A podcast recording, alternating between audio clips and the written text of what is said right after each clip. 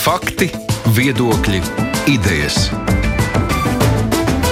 Raidījums Kruspunkta ar izpratni par būtisko. Studijā Mārija Ansone, Latvijas radio jau ilgāku laiku projekta izmisuma zonā ietvaros runājam par problēmām paliatīvās aprūpas jomā, un par to runāsim arī šodien, lai saprastu, kā koronavīrus pandēmija ietekmējuši šo pakalpojumu sniegšanu, un vai turpinās darbs pie tā, lai aprūpa kļūtu labāka un pieejamāka. Izmisuma zonā - paliatīvā medicīna Latvijā.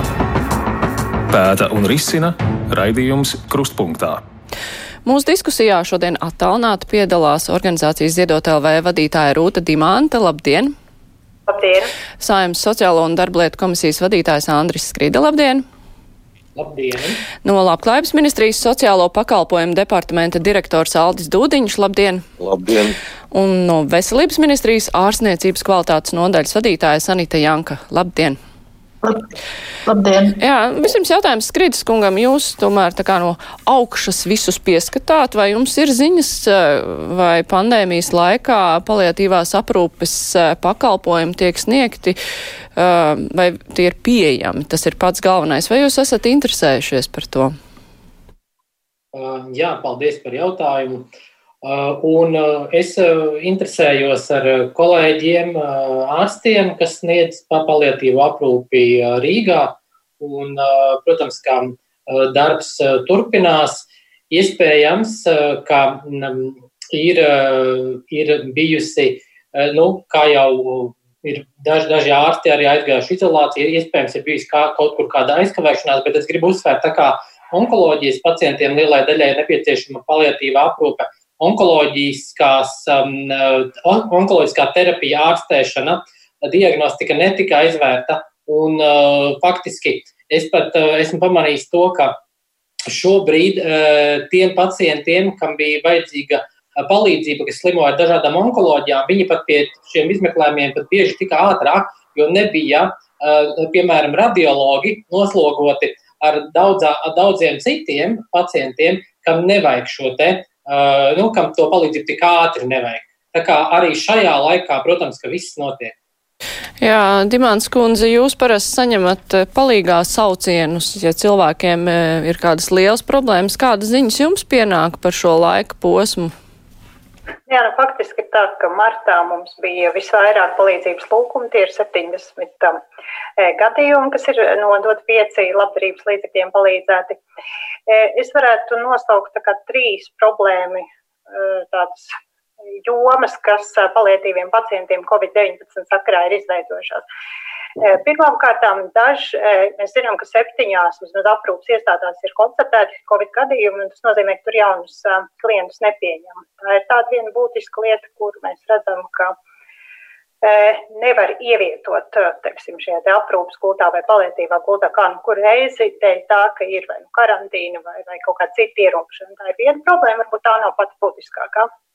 Otra ir tā, ka e, aprūpes centros jau pirms Covid-19 bija samērā maz šis personāls pieejams, un ļoti daudz radinieki uz mājām, draugi gāja aprūpēt savus tuviniekus, kas atradās šajos te aprūpes centros, teiksim, grozīt, pabarot. Ja? Tagad šīs apmeklējums ir liekts, un faktiski palietiet, e, palietīvie pacienti un vispār vecie ļaudis, kas dzīvo e, šajos aprūpes namos, varbūt, kur nav palietīvi, viņi ir kā cietumā. Un tas emocionālā veselība ir viens, bet otrs, ka radinieki nezina, kā tad viņu radinieks, kurš atrodas šajā aprūpas centrā, kā jūtas. Un uh, trešā lieta, kas nav vēl sākusies, bet kas varētu mums, kā labdarības organizācijai, būt nākamais darbiņš vai izaicinājums, ka tie uh, līdzcilvēki, kuri paši rūpējās nu, finansiāli par savu tuvinieku, šo palietīvo aprūpu, kuriem līdz šim nav bijusi vajadzīga uh, Eh, sabiedrības palīdzība, nu, viņi varētu būt nonākuši finansiālās grūtībās un vērsties pie mums un lūgt palīdzību. Jā, pirms mēs eh, runājam ar ministriju pārstāvjiem, mums ir iespēja aprunāties ar biedrības Latvijas samariešu apvienību vadītāju Andri Bērziņu, kuri savukārt uh, apmeklē tos cilvēkus, kuri tiek aprūpēti mājās. Labdien, Bērziņkungs! Labdien! Jā, kā jūsu ikdienu ir ietekmējusi pandēmija? Jā, nu, es, ja klausoties interviju, mēs esam tie, kam ir gan, gan sociāla aprūpa mājās, gan aprūpa institūcijās, gan arī veselības aprūpa mājās. Tā kā droši vien mēs varētu runāt vairākus raidījumus par šo tēmu, bet, bet ja tā skatās uz to būtiskāko, tad, tad uh, ir tāda, tāda kopēja neziņa. Un, un, uh, klientam ir bailes un, un satraukums par to, ka viņš uh, nav pārliecināts, ka tas aprūpētājs ir vesels. Aprūpētājiem savulaik ir bailes par to, ka viņš varētu kaut ko nodarīt pāri. Uh, vidē līmeņa vadībai bez visām šīm iepriekš minētajām bailēm ir satraukums par dokumentēšanas, uzskaites un visām pārējām prasībām, kas nav atceltas, kas turpinās. Vadībai ir atkal jautājums, kā sagādāt līdzekļus un kā nu, sagatavoties šai X stundai. Tagad tas kopējais es sistēmā ir. Cilvēki mēģina izmantot tās, tās legālās iespējas, kas ir slimības lapas, kas ir, kas ir atvaļinājumi, kas ir uh, dažādas citas iespējas, un līdz ar to tas, tas, tā vajadzība paliek, bet viņa tiek pārcelt uz tiem cilvēkiem, kas ir gatavi šo aprūpes darbu veikt. Un, un īstenībā nu, mēs tā, tā kā pingvīni sastājušies kopā, mēģinām šo, šo problēmu risināt un viens otram palīdzam. Un īstenībā paldies Veselības ministrijai un paldies visiem lēmumiem, kas nāk un palīdz līdzekļiem, ko, ko ir iespējams sagādāt papildus, bet, bet nu, protams, tas, tas, tas kopējais stress ir, ir ļoti jūtams. Bet vai jums ir kādi darbinieki noņemti no trases, tāpēc, ka viņiem ir jāatrodas, piemēram, pašizolācijā, ir bijis saskarsme ar eh, kādu covid pozitīvu cilvēku? Uh, sitīsim pie koka virsmas un teikšu, ka šobrīd nē, bet, bet ne, nu, tā saslimuši mums nav, bet no trases noņemta mums ir vairāki. Uh, Jo, jo protams, tas, tas mūsu iekšējais algoritms vienmēr ir tajā brīdī, ja mēs sajūtam kādas aizdomas, tad, tad, tad mums ir iespēja veikt šo, šīs analīzes. Uh, un mēs, protams, to cilvēku uzreiz noņemam no trases. Tas nozīmē, ka viņš pie klientiem neiet. Tas nozīmē, ka mums tas darbs ir jāpārplāno. Uh, nu, jāuzliek tas, tas, tas, tas uzdevums uz tiem cilvēkiem, kas, kas šobrīd vēl ir uz trases, un, un tiem tas, tas apjoms pieaug. Eh, klientiem ar tā nedrošību, jo viņi arī nezina, nu, teiksim, katrs jauns cilvēks, tad, kāpēc tas iepriekšējais nenāk, ja, un, un kā viņš atgriežas. Un, un, protams, mēs šobrīd citam pie koka un sakam, ka mums vēl nav šī X stunda pienākusi, bet mums ir jābūt gataviem, ja šī X stunda to, tomēr atnāk, ja, tad, tad kā tad mēs rīkojamies, bet, tas ir vēl papildus. Bet vai jūs esat gatavi, nu, ka kāds eh, no cilvēkiem, kuru jūs aprūpējat, var būt uh, Covid pozitīvs? Vai jums ir aiz, nu, jo šobrīd jau arī veselības aprūpas iestādes raugās uz pacientiem tā, ka viņi var būt potenciāli slimi. Vai Jā. jūs arī tā raugāties uz uh, saviem aprūpējumiem? Iespējamajiem un vai esat gatavi, vai jums ir aizsarga līdzekļi gal galā? Mm, godīgi, nē. Mums ir aizsarga līdzekļi, kas ir maskas, kas ir dezinfekcijas līdzekļi, kas ir respiratori, ko mēs esam sagādājuši un, un daļai ar, ar, ar tādām spekulatīvām uh, tirgus situācijām saskaramies, jo, jo ne jau viss ir nopērkams legāli šobrīd, jā, un visam tā cenas ir kosmiskas brīžiem. Bet, nu, jā, ja mēs būtu godīgi, tad mums jāsaka, ja mums ir jā, jā, jāliek šis pilnais ekipējums ar, ar kā es viņu saucu, skafandrs, jā, pilnā, pilnā, pilnā izolācija, cilvēks jāsūt pie kāda aprūpētāja dzīvesvietā, tad tas, tā cena vienai šim, šim palīgu līdzeklim vai šim, šim aprīkojumam ir 16 eh, eiro šobrīd. Un, un, un tad, tad, protams, jautājums, ja tas ir vienreizējs, tad viņš, viņš vēl ir jāiznīcina. Kā, nu, Mēs ceram, ka mēs varam iztikt ar to, kas mums ir, bet, bet nu, ja, tā, ja tā runā par tādu lielu krīzi, tad, tad protams, palīdzību līdzekļu stipri nepietiek. Bet, ja jūs zināt, ka ja cilvēks būtu Covid pozitīvs ārstējis mājās, jūs pie viņa dotos vai nedotos? Mēs pie viņa dotos.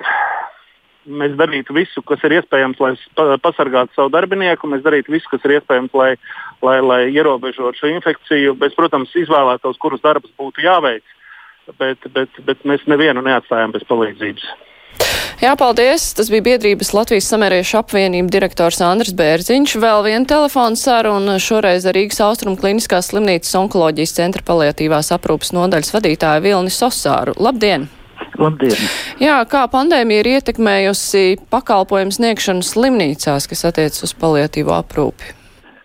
Nu, pacienti tiek uzņemti, ja, bet, eh, protams, eh, kad ir jāievēro ļoti liela piesardzība, ja, tad, tad uzņemtie pacienti noteikti ir jātestē. Jā, tātad atsevišķā palātā arī jānovērtē, ir uh, simptomi ir vai nav, jā, bet varbūt arī asimptomi, jā, kas arī ir pietiekami jā, nopietnas faktors. Tā kā Tas ir tāds varbūt arī papildus, jā, diezgan liels moments, jā, kas uzliek tādu psiholoģisko slodzi.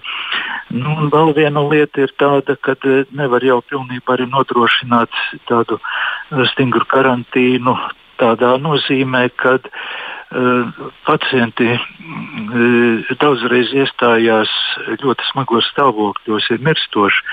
Jā, un, protams, jā, tad arī piederīgie Uh, tomēr jau tiek nodaļā iekšā. Protams, viņiem ir jānēsā maska, pahilis un, un tā, bet nu, nav izslēgts, jā, teiksim, roku, rokas un tā tālāk, jā, kur iespējams ir kontaktveidā jā, cilvēks, kas varbūt pat nezina, jā, aprūpē mājās un tā rinda ir pienākusi, jā, un, un tad līdz ar to viņš, protams, grib būt arī klāt kādu brīdi. Tas varbūt uzliek arī zināmu tādu stresu personālam. Nu, tas ir, man liekas, arī visos, visos pārējos gadījumos. Jā. Es domāju, ka mm, vairāk ir tā problēma tāda, ka zvana ļoti daudz ģimenes ārsti, ko darīt. Un tas ir eh, sakarā ar to, ka uh, viņi uh, konsultē attālināti, jā, vai arī klātesot, jā, un tad, uh, protams, ir vissmagākie simptomi, sāpes, stipras un, un vispārējais, jā, kā rīkoties, ko darīt. Jā, nu, protams, neatliekamos gadījumos, jā, ir jāsauc uh, neatliekamā palīdzība, jā, un jāmēģina tādā veidā risināt, kur ir nepieciešama varbūt ķirurģiska iejaukšanās. Nu, pat bija tāds gadījums. Jā, un, un, un tad jāved šis pacients ir uz stacionāru jā, un sakarā ar asiņošanu.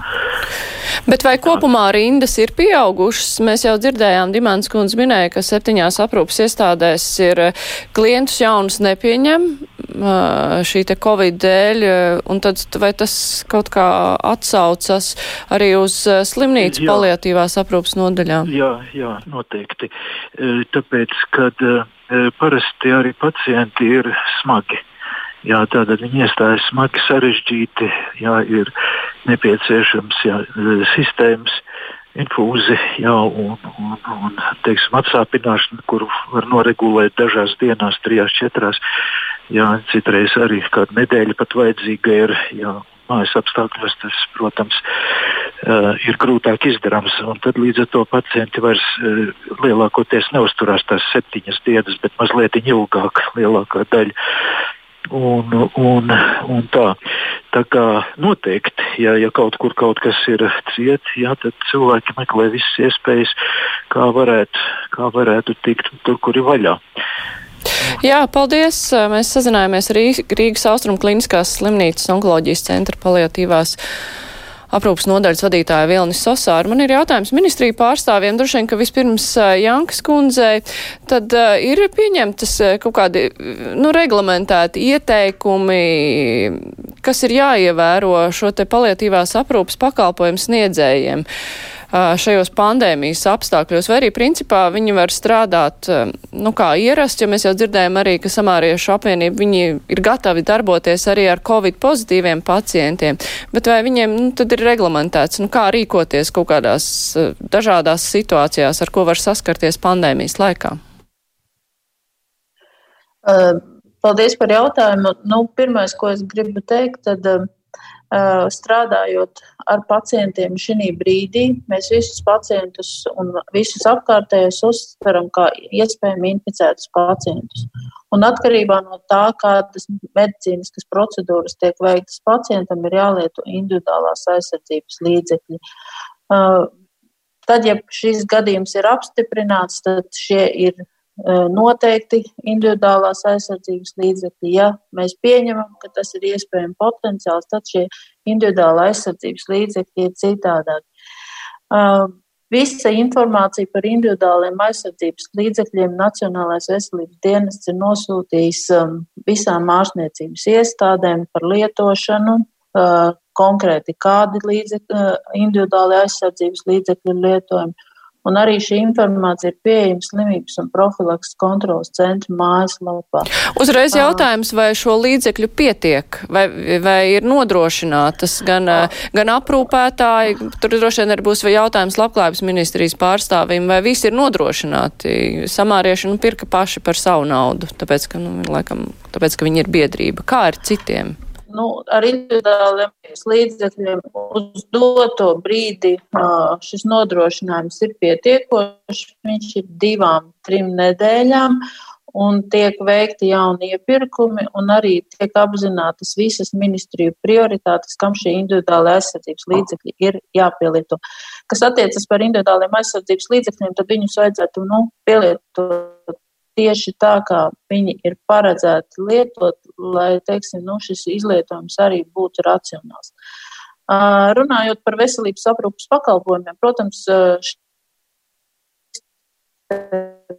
pandēmijas laiks nu, liek veikt ierobežojumus, lai pasargātu gan ārstniecības personas, gan arī pacientus. Un īpaši tos pacientus, nu, kam ir šīs blakus saslimšanas, kam šī imunitāte tā jau ir zema. Uh, Runājot par šiem pakalpojumiem, nu, protams, tika pieņemts lēmums par pakalpojumu ierobežošanu, bet nekādā gadījumā šis ierobežojums neatiektos uz paliatīvās aprūpas pacientiem, jo pirmkārt tā mums ir jānodrošina terapijas nepārtrauktība.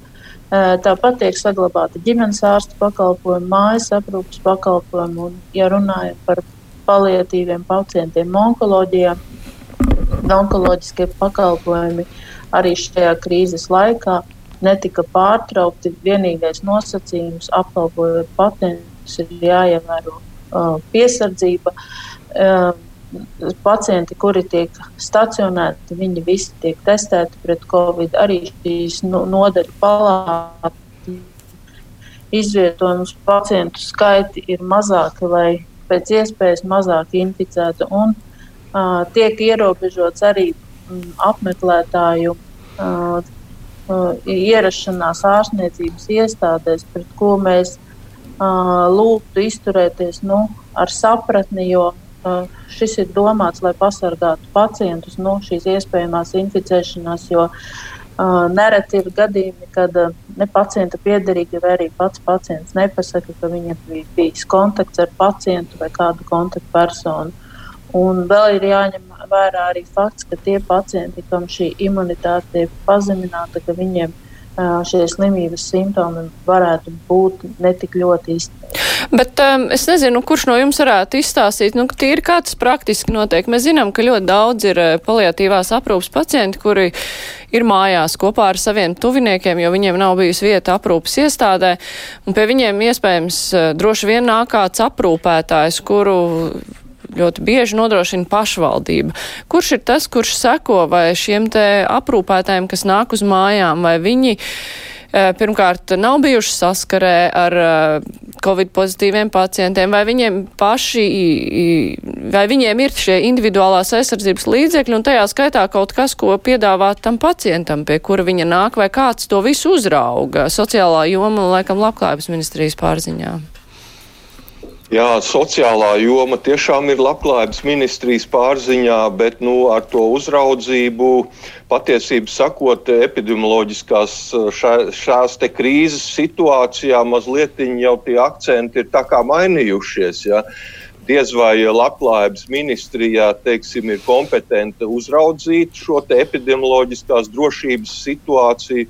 Bet nu, ir tā, ka sadarbībā gan ar slimību profilakses kontrolas centru, gan sadarbībā ar veselības ministriju mēs esam sagatavojuši dažādu veidu informatīvos materiālus, gan attiecībā par aprūpas jautājumiem, gan attiecībā par individuālo aizsargu līdzekļu jautājumiem. Un tie visi ir maksimāli, cik nu kādi vien dati mūsu rīcībā ir bijuši izsūtīti arī pašvaldībām, uh, privātajiem un nevalstisko organizāciju pakalpojumu sniedzējiem, un tie ir publicēti arī Labklājības ministrijas mājaslapā. Bet tie ir dati, bet jautājums tīri praktiski, vai šiem sniedzējiem kāds palīdz ar to, ka viņi tiešām praktiski var tikt pie šiem individuālās aizsardzības līdzekļiem. Samārieši jau minēja, ka viņi pērk paši, bet viņiem tas ir es dārgi, vai kāds šo. Finansiāli viņiem var atbalstīt? Kāda patreizējā situācijā, patreizējā situācijā ir tā kārtība? To nosaka gan krīzes vadības grupas šie visi lēmumi, un par to mēs arī šorīt Skridas kunga vadībā diskutējām neklātienē arī ar Saimnes sociālo un darba lietu komisiju. Uh, ir tā, ka labklājības ministrijai ir noteikts uzdevums rūpēties par individuāliem aizsardzības līdzekļiem gan valsts, gan pašvaldību sociālās aprūpas centriem, jo tieši šīs institūcijas ir atzīmētas kā augsta riska līmeņa institūcijas īstenībā uzreiz nākamajā vietā aiz ārstniecības iestādēm. Un līdz ar to labklājības ministrija apkopo visas šīs vajadzības. Šobrīd ir divi sūtījumi bijuši no NMPD, kas ir sadalīti, tātad, kā jau teicu, starp valsts un pašvaldību sociālās aprūpas pakalpojumu sniedzējiem. Uh, Jāsaka tā, ka, diemžēl, šīs piegādes ne sortimenta ziņā, ne arī kvantitatīvajā ziņā neapmierina šos te, teiksim, to, šo prasīto info, nu, tā, kas ir identificētā vajadzība, bet nu, mēs mēģinam to pašu apjomu, kas nonāk mūsu rīcībā, sadalīt visiem apmēram teiksim, atbilstoši tam apkalpojamo klientu, jeb pacientu skaitam. Tāds ir mūsu algoritms. Mēs ceram, ka, kā kolēģi jau teica, ka piegādes turpināsies un situācija uzlabosies. Un acīm redzot, šodien arī valdībā tiks pieņemts kāds lēmums, un tas varētu attiekties uz to situāciju, ko Bērziņa kungs minēja. Uh, ka šajā apritē tiks iesaistīti arī šīs civilās aizsardzības pašvaldību sadarbības teritorijas, kurām tad būs pienākums apzināt šos visus pārējos, nu, kuriem ir nepieciešami individuāli aizsardzības līdzekļi Un tad jau patiešām ar uh, valsts ugunsdzēsības un glābšanas dienestu, nezinu, cik NMPD tur būs iesaistīts, tad notiks organizēta arī šī apgāde. Ja, un cik es saprotu, arī Nacionālajie bruņotie spēki varētu tikt iesaistīti. Bet, nu, kas attiecās uz labklājības ministriju, tad mūsu atbildība ir šie valsts un, un, un pašvaldību sociālās aprūpas centri. Dimants Kundze, Jūs gribējāt ko piebilst? Jā, es gribētu teikt, ka šos pakalpojumus sniedz arī ļoti daudz biedrības, kā Latvijas sarkanais krusts, samarieši, un uh, viņiem arī būtu vajadzība tik piešķirt aizsarga līdzekļiem. E, tirgo tos nevar iegādāties, bet es saprotu, vismaz esmu redzējusi tādu failu, kas ceļo apkārt no ministrijas, kur šīs nevalstiskās organizācijas ir ievietotas sestajā prioritātē, kur var pieteikties šiem te, uh, līdzekļiem, kas, manuprāt, ir ļoti labi, ka mēs eh, ietveram visus, tur ir bērndārs, skolas un tā tālāk. Eh, protams, ka visiem nepietiek, un tāpēc ļoti svarīgi tie, kas ir tie privātie pakalpojumu sniedzēji, kuri izkrīt no tādas varbūt tiešas uzraudzības, tās gan ir biedrības nodibinājumi, gan arī, teiksim, privātie SIA, kas eh, sniedz aprūpu mājās. Tā informācija gan tuviniekiem, gan aprūpētājiem. Jo tad, kad iestājās šis ārkārtējais stāvoklis, mums ziedotāji, mēs, mums ir tāda liela labdarības programmā e, mīļā auklīte, var teikt, tas ir asistents mājās smagi slimiem bērniem, kur ir e, guloši. Un e, ne vecāki, ne šīs te auklītes vai aprūpētājs nebija informēti, ka viņi varētu faktiski no vienas ģimenes otrā aiznest Covid infekciju vienkārši tā iemesla dēļ, ka cilvēki nezināja. Tad tas, tas lēta, vienkāršākais, kas neko nemaksā, ir tiešām skaidrot, skaidrot un vēlreiz skaidrot jo tā higiēna, atstāja, teiksim, uzticēšanās un godīga pateikšana, esmu bijusi kontaktā vai ne, tas ir numur viens. Nu, mēs to bez līdzekļiem varam izdarīt, to mēs arī visiem tiem, kam no ziedojumiem apmaksājam aprūpi mājās, vienmēr piekodinam, sakot, ka šī grupa ir ļoti jūtīga, dabūjot Covid infekciju smagas sekas un, un, un to rieskam. Un tāpēc arī daudzi eh, cilvēki ir arī atteikušies no šiem ārējiem pakalpojumiem, mēģina pašu ģimenes lokā tikt galā, baidoties no infekcijas. Protams, ka tas ir īstermiņā tikai iespējams. Skrīdiskungs, kā jūs redzat eh, risinājumu šai problēmai, nu, ka visi tomēr nav nodrošināti pietiecīgi, pienācīgi ar šiem individuālās aizsardzības līdzekļiem? Jā, Mums šodien, kā jau Dūdiņa kungs arī minēja, bija divu stundu garumā sociālo darbu lietu komisijas sēdi kopā ar Labklājības ministriju, arī ar pašvaldību dienestiem, ar sociālās aprūpas dienestiem, kur mēs faktiski visi kopā deputāti un visi izdiskutējām tās galvenās problēmas. Un, un viena no problēmām, protams, ir šis te nepietiekamais aizsarglīdzekļu trūkums. Veselības ministrija un Nacionālais veselības dienests tiešām šobrīd strādā, dara visu maksimālo, lai šos līdzekļus iepirktu. Un nākamā lieta bija, protams, arī mēs lūdzām Labklājības ministriju, lai papildus pieprasa vēl naudu valdībai gan pašiem sociālajiem darbiniekiem par šīm te vizītēm mājās. Tā kā, tā kā šis jautājums par aizsargu līdzekļiem tiek, um, tiek no saimas komisijas puses uzraudzīts. Un mēs vēl arī daudz spriedām, protams, par šo testēšanu. Uh, testēšana mums šobrīd Latvijā tiek nodrošināta uh, ļoti la, uh, pie, pietiekamā daudzumā. Un vienīgais, ir, protams, jāsaprot, ka tas, ka cilvēks ja ir notestējies, tas nenozīmē, ka viņš pēc kāda laika atkal nevar saslimt. Bet vai... Es drīkstu, ja es drīkstu, kas, manuprāt, jāņem vērā arī paliatīva aprūpe uz priekšu, eh, skatoties vispār uz eh, medicīnas pakalpojumiem, ka, eh, diemžēl, dēļ Covid-19 tā kļūst dārgāk gan valstī, gan pacientiem. Jo gan, teiksim, ambulatorija mazāk pacients vienā dienā varēs pieņemt dēļ šiem lielajām atstarpēm, gan individuāli aizsardzības līdzekļi, kas ir katreiz jāpielieto, tad mēs vēl saskarsimies uz priekšu, ka tā jau dārgā nu, un nefinansētā nozare kļūs vēl eh, finanšu ietilpīgāka.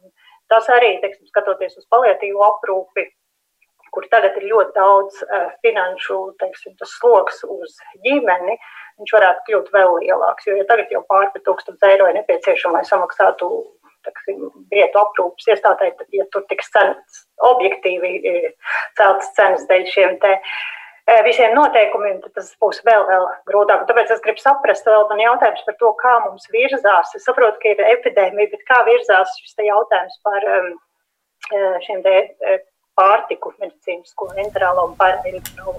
Jā, šo jautājumu, šo tematu mēs uh, turpināsim pēc brīža, kā virzās aizsāktie darbi. Es tomēr vēl gribēju precizēt vienu lietu saistībā ar um, paliatīvo aprūpi pašreizējā situācijā, kā ir pandēmija ietekmējusi. Pacienti parādās uh, arī pandēmijas laikā arvien jauni. Mēs jau dzirdējām, ka ir lielākas rindas uz vietu aprūpas iestādē. Uh, kā um, tiek nodrošināta vai pietiekoši strauji tā pati invaliditātes pies, piešķiršana, sadarbība ar ģimenes ārstiem, vai tas ir vai nav apgrūtināts šajā laikā, Jankas kundze, kādi ir jūsu uh, novērojumi, vērtējumi? Nu, šī gadījumā noteikti tas nav pavirzījies uz labo pusi, un, bet katrā gadījumā es gribu teikt, ka mēs pie šī paliatīvās aprūpas jautājuma strādājam, neskatoties uz to, ka ir pandēmija, kas reiz beigsies, un arī uh, vairāk par šo invaliditātes piešķiršanu būtu jautājums Dūdiņkungam. Jā, bet man bija tieši jautājums pašreizējā Jā. situācijā, vai tas nav.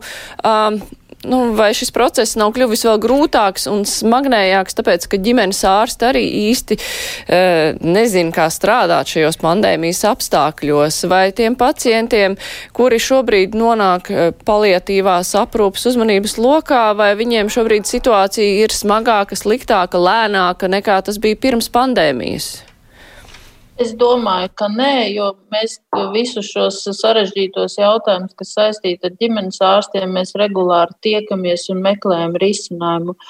Un šī pandēmija nebūtu pa iemeslu tam, kad šī invaliditātes grupa kārtojas lēnāk, kas visos tajos jautājumos, kas ir atkarīgi tīri no veselības ministrijas puses, jo šajā laikā mēs esam uh, domājuši arī par tiem pacientiem, kas paši nevar aiziet pie ārsta, tātad par šīm attālinātajām konsultācijām, un otrs, par ko mēs arī esam attīstījuši, kad konsultē speciālists speciālistu vai speciālists ģimenes ārstu, un arī par šo ir speciāls samaksas veids un arī speciāli tālruņa dienesta mājaslapā, kur vai ģimenes ārsts vai speciālists var konsultēties par pacientu, vai arī pacients pats var konsultēties ar kādu no speciālistiem. Jā, es atgādināšu klausītājiem un Latvijas televīzijas skatītājiem, ka šodien mūsu diskusijā piedalās Saimnes sociālo un darba lietu komisijas vadītājs Andris Krīde, organizācijas Ziedot LV vadītāja Rūta Dimanta, no Labklājības ministrijas Aldis Dūdiņš un no Veselības ministrijas Sanita Janka. Izmisuma zonā - paliatīvā medicīna Latvijā. Pēta un risina raidījums Krustpunktā. Dimants kundze jau aizsāka sarunu par to, kā virzās aizsāktie darbi, lai paliatīvā aprūpa kļūtu labāka un pieejamāka.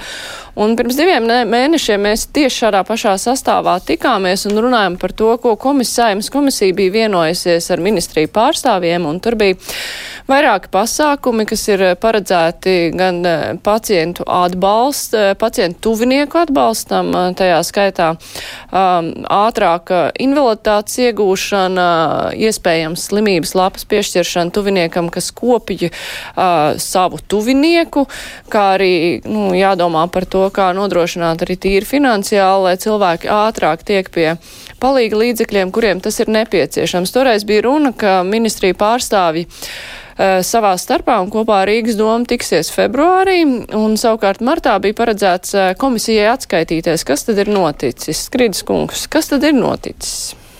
Es uh, piemetinu vēl pie iepriekšējā, kamēr es neesmu aizmirsis, mm -hmm. ja šobrīd, ja beidzas invaliditāte cilvēkiem, tad viņa automātiski pagarinās. Uh, kā uh, tas vismaz ir atvieglots, uh, tas attiecas uz visiem. To pieņēma invaliditātes likumā. Uh, jā, uh, tika gada sākumā komisijas sēdē izvirzīti uzde, uh, šie uzdevumi ministrijām, Eh, kas jādara tālāk paliatīvajā aprūpē. Bija ieplānota, protams, martā sēde. Šī sēde, diemžēl, eh, atcēlās, eh, jo, notika, jo kādu brīdi saimas, kādu nedēļu saimas darbs nenotika, un pēc tam jau notika vairāk par Covid aktualitātēm. Bet es domāju, mēs noteikti varam paprasīt ministriju pārstāvjiem, cik tālu ir šis darbs paveikts. Jā. Kurš pirmais veselības ministrijas pārstāvis? Jankas kundze. Mēs esam tikušies veselības ministrijā pirms vēl Covid pandēmijas. Tātad tikās Labklājības ministrija, veselības ministrija un Rīgas dome.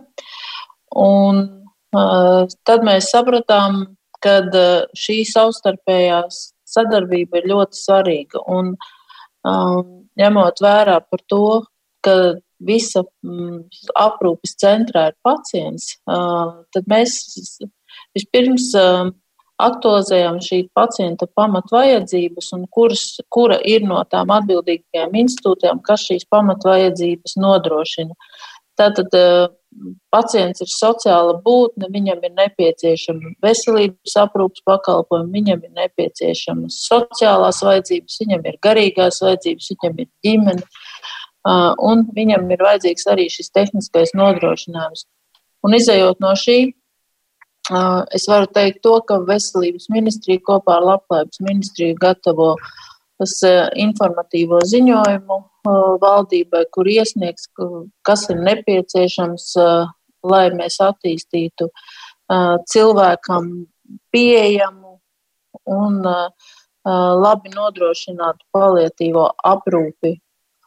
Un, tāpat arī valdībā tiks iesniegti visi tie nepieciešamie finanšu līdzekļi, kas tam ir nepieciešams, jo visi šiem pasākumiem ir jānotiek savstarpēji secīgi un vienlaicīgi, jo, ja ir laba veselības aprūpe, bet pacientam nav nodrošinātas sociālās vajadzības, tad nu, iznākums tam nebūs labs. Vai arī, ja pacienti nav nodrošināti ar šiem tehniskajiem palīdzekļiem, es, es, pār, no lielākajiem. Jā, es pārklausījos diskusiju, kas mums bija pirms diviem mēnešiem, un uh, jūs minējāt, ka viena lieta, ko var ļoti ātri izdarīt un kur nav nekāda problēma, tas ir um, ātrāka invaliditātes piešķiršana uh, pacientiem.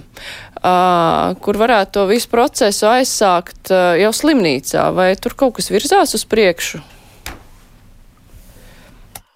Nu, uz doto brīdi šī te jautājums ir nedaudz apstājies, jo visas slimnīcas, kā jūs zinat, tā skaitā lielās slimnīcas, ir uh, nodarbinātas ar covid pacientu uzņemšanu. Uh, un arī, teiksim, es gribu teikt to, ka ārstniecības iestādēm nu, katra uh, diena šī pandēmijas laikā ie, ievieš arvien jaunus izaicinājumus un arī uh, nepieciešams nu, mainīt gan slimnīcas organizācijas, gan ārstniecības darbu. Tā skaitā šajā laikā bija jādomā par hospitalizācijas plāna izmaiņām, par pakalpojumu ierobežošanu, par pacientu testēšanu, ārstniecības personu testēšanu. Bet katrā gadījumā es gribu teikt to, ka mēs to neesam aizmirsuši un mēs ar šo jautājumu nodarbosimies. Nu jā, skaidrs, ka veselības ministrijai, protams, ir ļoti liels sloks šī Covid pandēmija. Kā ir labklājības ministrijai? Toreiz mēs arī aizsākām jautājumu par šīm pašām slimības lapām. Dūdiņa kungs, jūs bijāt skeptisks par to, bet teicāt, ka ir nepieciešama padziļināta diskusija par to, vai varētu piešķirt slimības lapu tuviniekam, kurš ir nonācis pēkšņā situācijā ar to, ka viņam ir aprūpējams cilvēks mājās. Vai jūs esat domājuši par to, ko darīt ar Jā, slimības mēs, lapām? Mēs par to esam domājuši, un es varu atkārtot vēlreiz tas, kas tika iepriekš iepriekšējā reizē runāts. Un, un vēl vairāk to arī skatoties kontekstā, nu, man jāsaka, birokrātiski ir uh, Eiropas parlamentam un padomē viena jauna direktīva, kas nosaka, uh, risina jautājumus par darbu un privātās dzīves līdzsvaru gan vecākiem, gan aprūpētājiem. Un šās direktīvas kontekstā mums ir līdz 2022. gada otrajam pusgadam valstī jāatrisina jautājums par piecām darba dienām, kas ir saistīts ar šo te pieaugušo aprūpējamo aprūpi kas šiem te attiecīgi šiem te ģimenes locekļiem vai aprūpētājiem. Tas nozīmē tā kā... pārtulkojot, ka līdz 22. Eh, gada otrajam pusgadam ir jānodrošina kaut vai slimības lapa cilvēkam, Tieši kuram ir. Tā, tas, mm -hmm. tas ir jānodrošina un šeit no tā izriet nākamie jautājumi, kas droši vien. Uh, krīzē beidzot tiks risināti, un kā jau es toreiz teicu, tas ir uh, nacionālais trīspusējās sadarbības padomas sociālā dialoga ietvaros, kur ir šie fundamentālie jautājumi, vai šīs piecas darba dienas tiek apmaksātas no sociālās apdrošināšanas iemaksām, vai šīs piecas darba dienas tiek apmaksātas no darba devēja līdzekļiem, vai šīs piecas darba dienas ir kā, nu, tā varētu izteikties, kā bezalgas atvaļinājums. Es, nu, es, kā, kā es uzsveru vēlreiz, es šajā NTSP nepiedalos un, un nezinu, kādā veidā tur tās diskusijas lieta tur ir augsta līmeņa vadītāji, bet nu, es pieļauju, ka tās ir pietiekoši smagas, ja, jo tas ir saistīts ar papildus budžeta tēriņiem. Mm -hmm. Dimants kundze, 22. gada otrais pusgads, kāds labs termiņš? Tas ir ļoti labs termiņš, jā, ironiski izsakoties, bet tos, ko es gribu teikt, manuprāt, ja mēs skatāmies uz Covid-19, ministrijas, saima valdības spēja ļoti operatīvi risināt jautājumus, jo šis te skaistais sarkanais vīrus elpo mums pakausī. Ja grib, tad var. Ar Covid-19 slimības lapu jautājums tiks atrisināts ļoti ātri. Vienkārši es domāju, ka tas arī tāds gribas jautājums. Nu, divi mēneši mums ir pagājuši, bet tie cilvēki guļ un tie, tie, tie radinieki joprojām viņiem nav risinājums. Mēs varam mēs tagad teikt, ka ir Covid-19, pēc tam būs nākamā lieta. Tas ir par to, lai mums šie te, šīs ģimenes, jo tas nav tikai jautājums par palietīvu, palietīvo pacientu, tas ir par visu ģimeni, vai viņas mums ir svarīgas vai nav. Nu, mēs vai darām kaut ko, vai tomēr atstājam uz, uz labdarības pacientu. Protams, pagaidām mums līdzekļi pietiek, un, bet tam nevajadzētu būt uz labdarības pacientu. Es tomēr gribētu redzēt tādu pašu rīcību, kā mēs Covid-19 sakarā spēja ātri valsts pārvalde. Es, es lepojos, kā mana valsts uh, tiek galā ar šo krīzi. Es gribu to pārnest arī uz citām jomām. Skridskungs vai saimnes komisija nedomā, ka vajag tomēr pasteidzināt procesus, uh, apzinoties, protams, ka Covid-19 ir ļoti liela problēma, ar kur iespējams mums nāksies ilgi sadzīvot tajā pašā laikā. Nu, paliatīvā aprūpa, kā jau mēs dzirdējām, ir apgrūtināta šajā periodā. Tas nozīmē, ka varbūt ir nepieciešami vēl steidzamāki risinājumi. Jā, protams, ka arī šajā jomā paliatīvajā aprūpē, kur cilvēks faktiski izjūt šobrīd lielu neziņu, otrkārt fiziskas sāpes, radiniekiem ir neziņa, ko, ko darīt. Ir jābūt šiem risinājumiem ātrāk. Mums rītdien ir jau nākamā komisijas sēde, un, un tīri pie diskusijas deputātiem es arī šo jautājumu noteikti atgādināšu.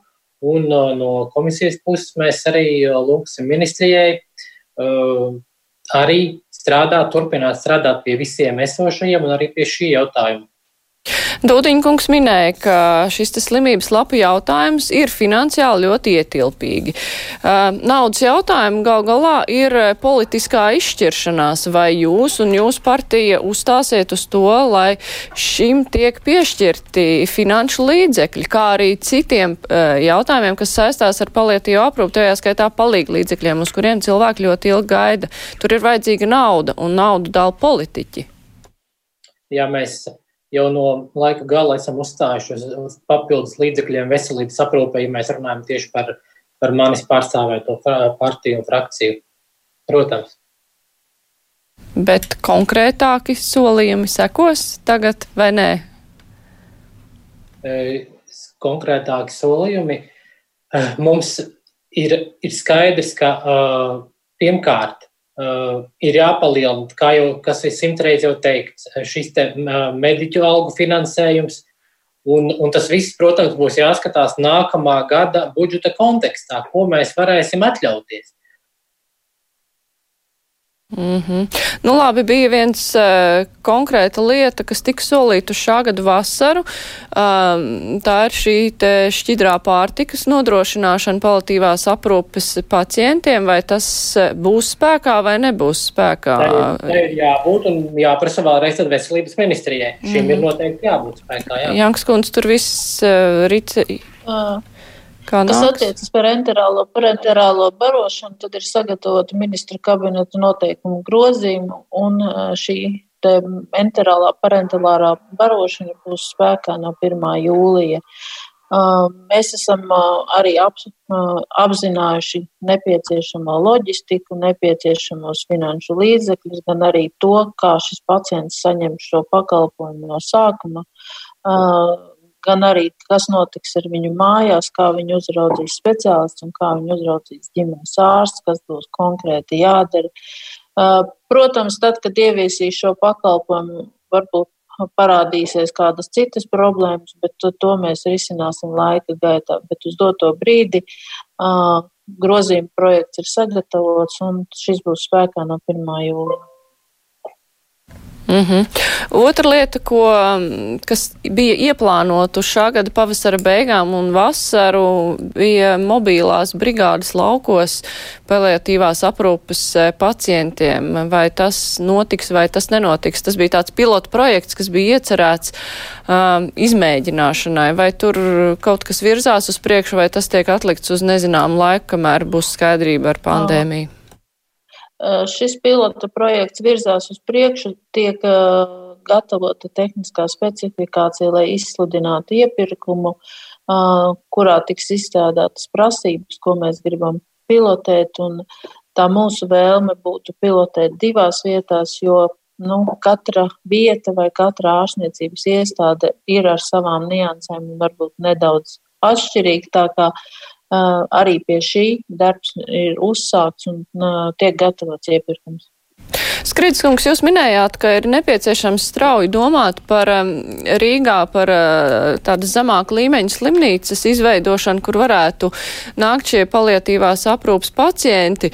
Vai šobrīd, kad ekonomikā tiks iepludināta diezgan liela nauda, un viena lieta ir šeit dīkstāvs pabalsts, bet otra lieta, nu, arī finansisti runā par to, ka ļoti svarīgi, lai pēc krīzes ekonomika tiktu sildīta, vai šādas slimnīcas veidošana varētu būt viens no tādiem pasākumiem. Varbūt to vajag straujāk uz priekšu virzīt, vai esat ieminējušies ar saviem kolēģiem par šo jautājumu? Jā, un tie, tiešām, kā jau arī teica, Rīgas domei arī norit jau šīs sarunas ar veselības ministriju, un konkrēti tas ir par Juglas bērnu slimnīcas telpās, kā viens no variantiem, ka tur šāds te sociālās, palietīvās un sociālās aprūpes centrs varētu būt, un es ceru, ka tas tiešām arī tā būs.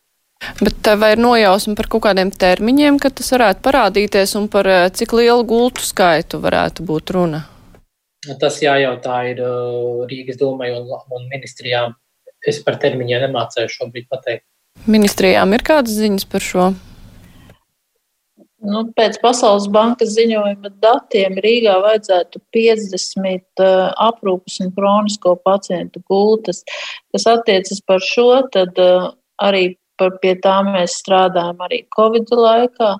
Un uh, uz doto brīdi Nacionālā veselības dienestam ir uzdots aprēķināt tarifu, uh, iekļaujot izmaksas um, gan uh, kroniskās gultās, gan aprūpes gultās. Un uh, šīs te tarifa aprēķins balstīts um, ne tikai uz ārstniecības personām, bet arī uz ārstniecības atbalsta personām, kā arī nepieciešamiem izmeklējumiem, palīglīdzekļiem, kopšanas līdzekļiem. Uh, tā kā nu, mēs ceram, ka līdz 1. jūlijam šie aprēķini tiks veikti un viņi tiks arī iesniegti, cik maksā viena aprūpas gulta un cik maksā viena kronisko pacientu aprūpas gulta. Bet notiks tā dalīšana palietīvās aprūpas pacienti un hroniskie pacienti, lai saprastu, tad cik par kādu cilvēku skaitu mēs runājam vienā un otrā grupā? Um, ir divi varianti. Viens variants, ka mēs dalām atsevišķi palietīvo aprūpas gultu un atsevišķi hroniskā un aprūpas gulta.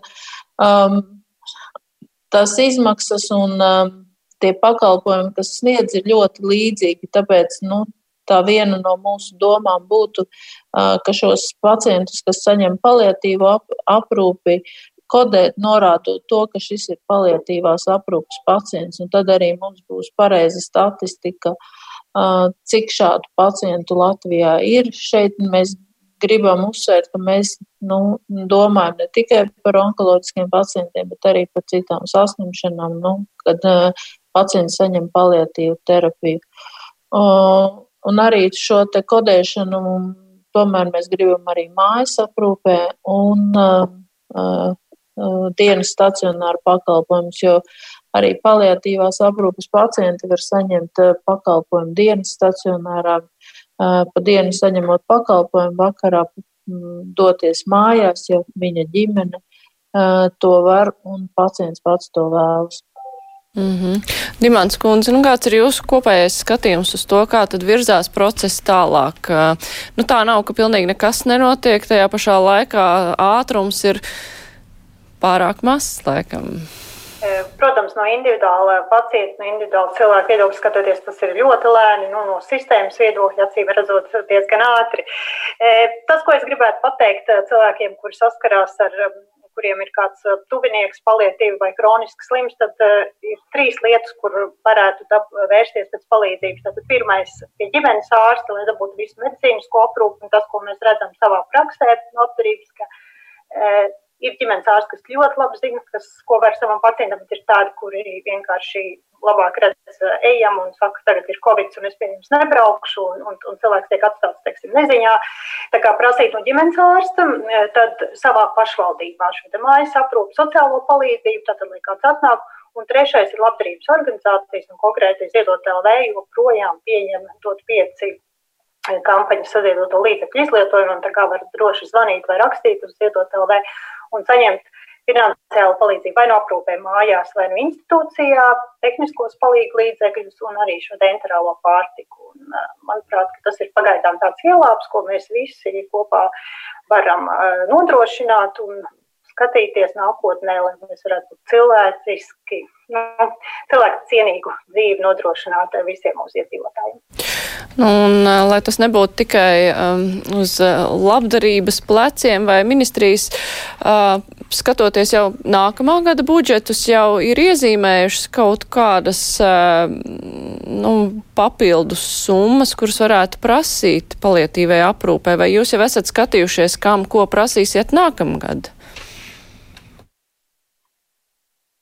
Kas attiecas par šīm papildus summām, tad, kā jau es minēju, tiek gatavots šis informatīvais ziņojums, kur būs norādīti visi nepieciešamie finanšu līdzekļi palietīvās aprūpas pacientam, gan uh, veselības aprūpas pakalpojumiem, gan palīgu līdzekļiem, gan arī uh, garīgam atbalstam un arī sociālām vajadzībām. Tas būs vairāk nekā tas ir līdz šim paredzēts? Es pieļauju, ka jā. Un no labklājības ministrijas. Jo... Mm -hmm. Es vēl gribēju teikt, to, ka pozīcijas minēja tas saistībā ar šo ziņojumu, bet varu paskaidrot par šo budžeta plānošanu. Nu, ir tā, ka apmēram jūlijā sākās šis budžeta plānošanas periods. Ja, bet, nu, uh, nu, nezinu, kāda vispār būs nākamā budžeta perspektīva. To, to rādīs laiks, un tas droši vien pēc šī iesniegtā ziņojuma būs attiecīgi valdības lēmums. Ja vai šo iekļaut kā budžeta prioritāti, ja iekļaut, tad kurā gadā, vai 21. vai tālākos, tas jau, tas jau viss ir atkarīgs no ministru kabinetā pieņemtā lēmuma. Janks kundze, jā, jūs gribētu pabeigt. Nu, es gribēju pateikt to, ka nu, šie finanšu līdzekļi noteikti būs lielāki, jo uh, nu, mēs pārreikinām šīs kroniskās un aprūpes uh, gultas. Un, teiksim, uh, tas aprēķins ir balstīts uz patiesām vajadzībām. Līdz ar to nu, es pieļauju, ka viņš varētu būt lielāks. Un vēl pēdējais mēģinājums izspiest uh, solījumu no skrīdas kunga. Tad, nu, ja mēs domājam par nākamā gada budžetiem, tad jūs uzstāsiet uz to, ka šī joma ir jābūt prioritātei, ka tā nedrīkst noslīdēt kaut kur tālu apakšā. Protams, ka paliatīvai aprūpei, tāpat kā visām citām sarežģītajām lietām, ir jābūt prioritātei. Bet kamēr, eh, teiksim, eh, to ārsts vai medmāsa naudu varēs nopelnīt tikai tādām vairāk, nu ne jau es negribu teikt, ka vēnu operācijas mums nevajag vai kaut ko tādu, ja? Eh, nu, respektīvi tādām vieglākām lietām un emocionāli vieglākām. Un kamēr tai, tam cilvēkam, kas paliatīvajā aprūpē strādā, tam tiek maksāts nu, desmit reizes mazāk, viņš var nopelnīt, nu nebūs. Mums ir jāsagrupē tās, tās lietas, gan par paliatīvo aprūpi, gan par reanimāciju, ja cilvēku, gan par, gan par onkoloģiju, ka tas ārsts un medmāsa, ka viņam arī par to uh, ir šī samaksa. Tad jūs pirmā prioritāte algas, uh, un pēc tam nāk pārējie jautājumi. Algas, informācija, ģimenes, uh, pacientu ģimenes izglītošana, protams. Jā, nu skatīsimies, kā situācija tālāk attīstīsies, jo, protams, ka saistībā ar pandēmiju viss ir ārkārtīgi neskaidrs, un mēs nezinām, kā mēs dzīvosim pēc gada, mēs nezinām, kā mēs dzīvosim gada nogalē. To mēs redzēsim, bet uh, es toties zinu, par ko būs mūsu rītdienas raidījums. Uh, vispirms saku paldies uh, mūsu raidi, šīs dienas raidījumu viesiem. Uh, šodien Ar mums kopā diskutēja Saimnes sociāla un darba lietu komisijas vadītājs Andris Skrīdē, organizācijas Ziedot LV vadītāja Rūta Dimanta, Sanita Janka, veselības ministrijas pārstāva Naudas Dūdiņš no Labklājības ministrijas. Visu labu, tiekamies arī rīt!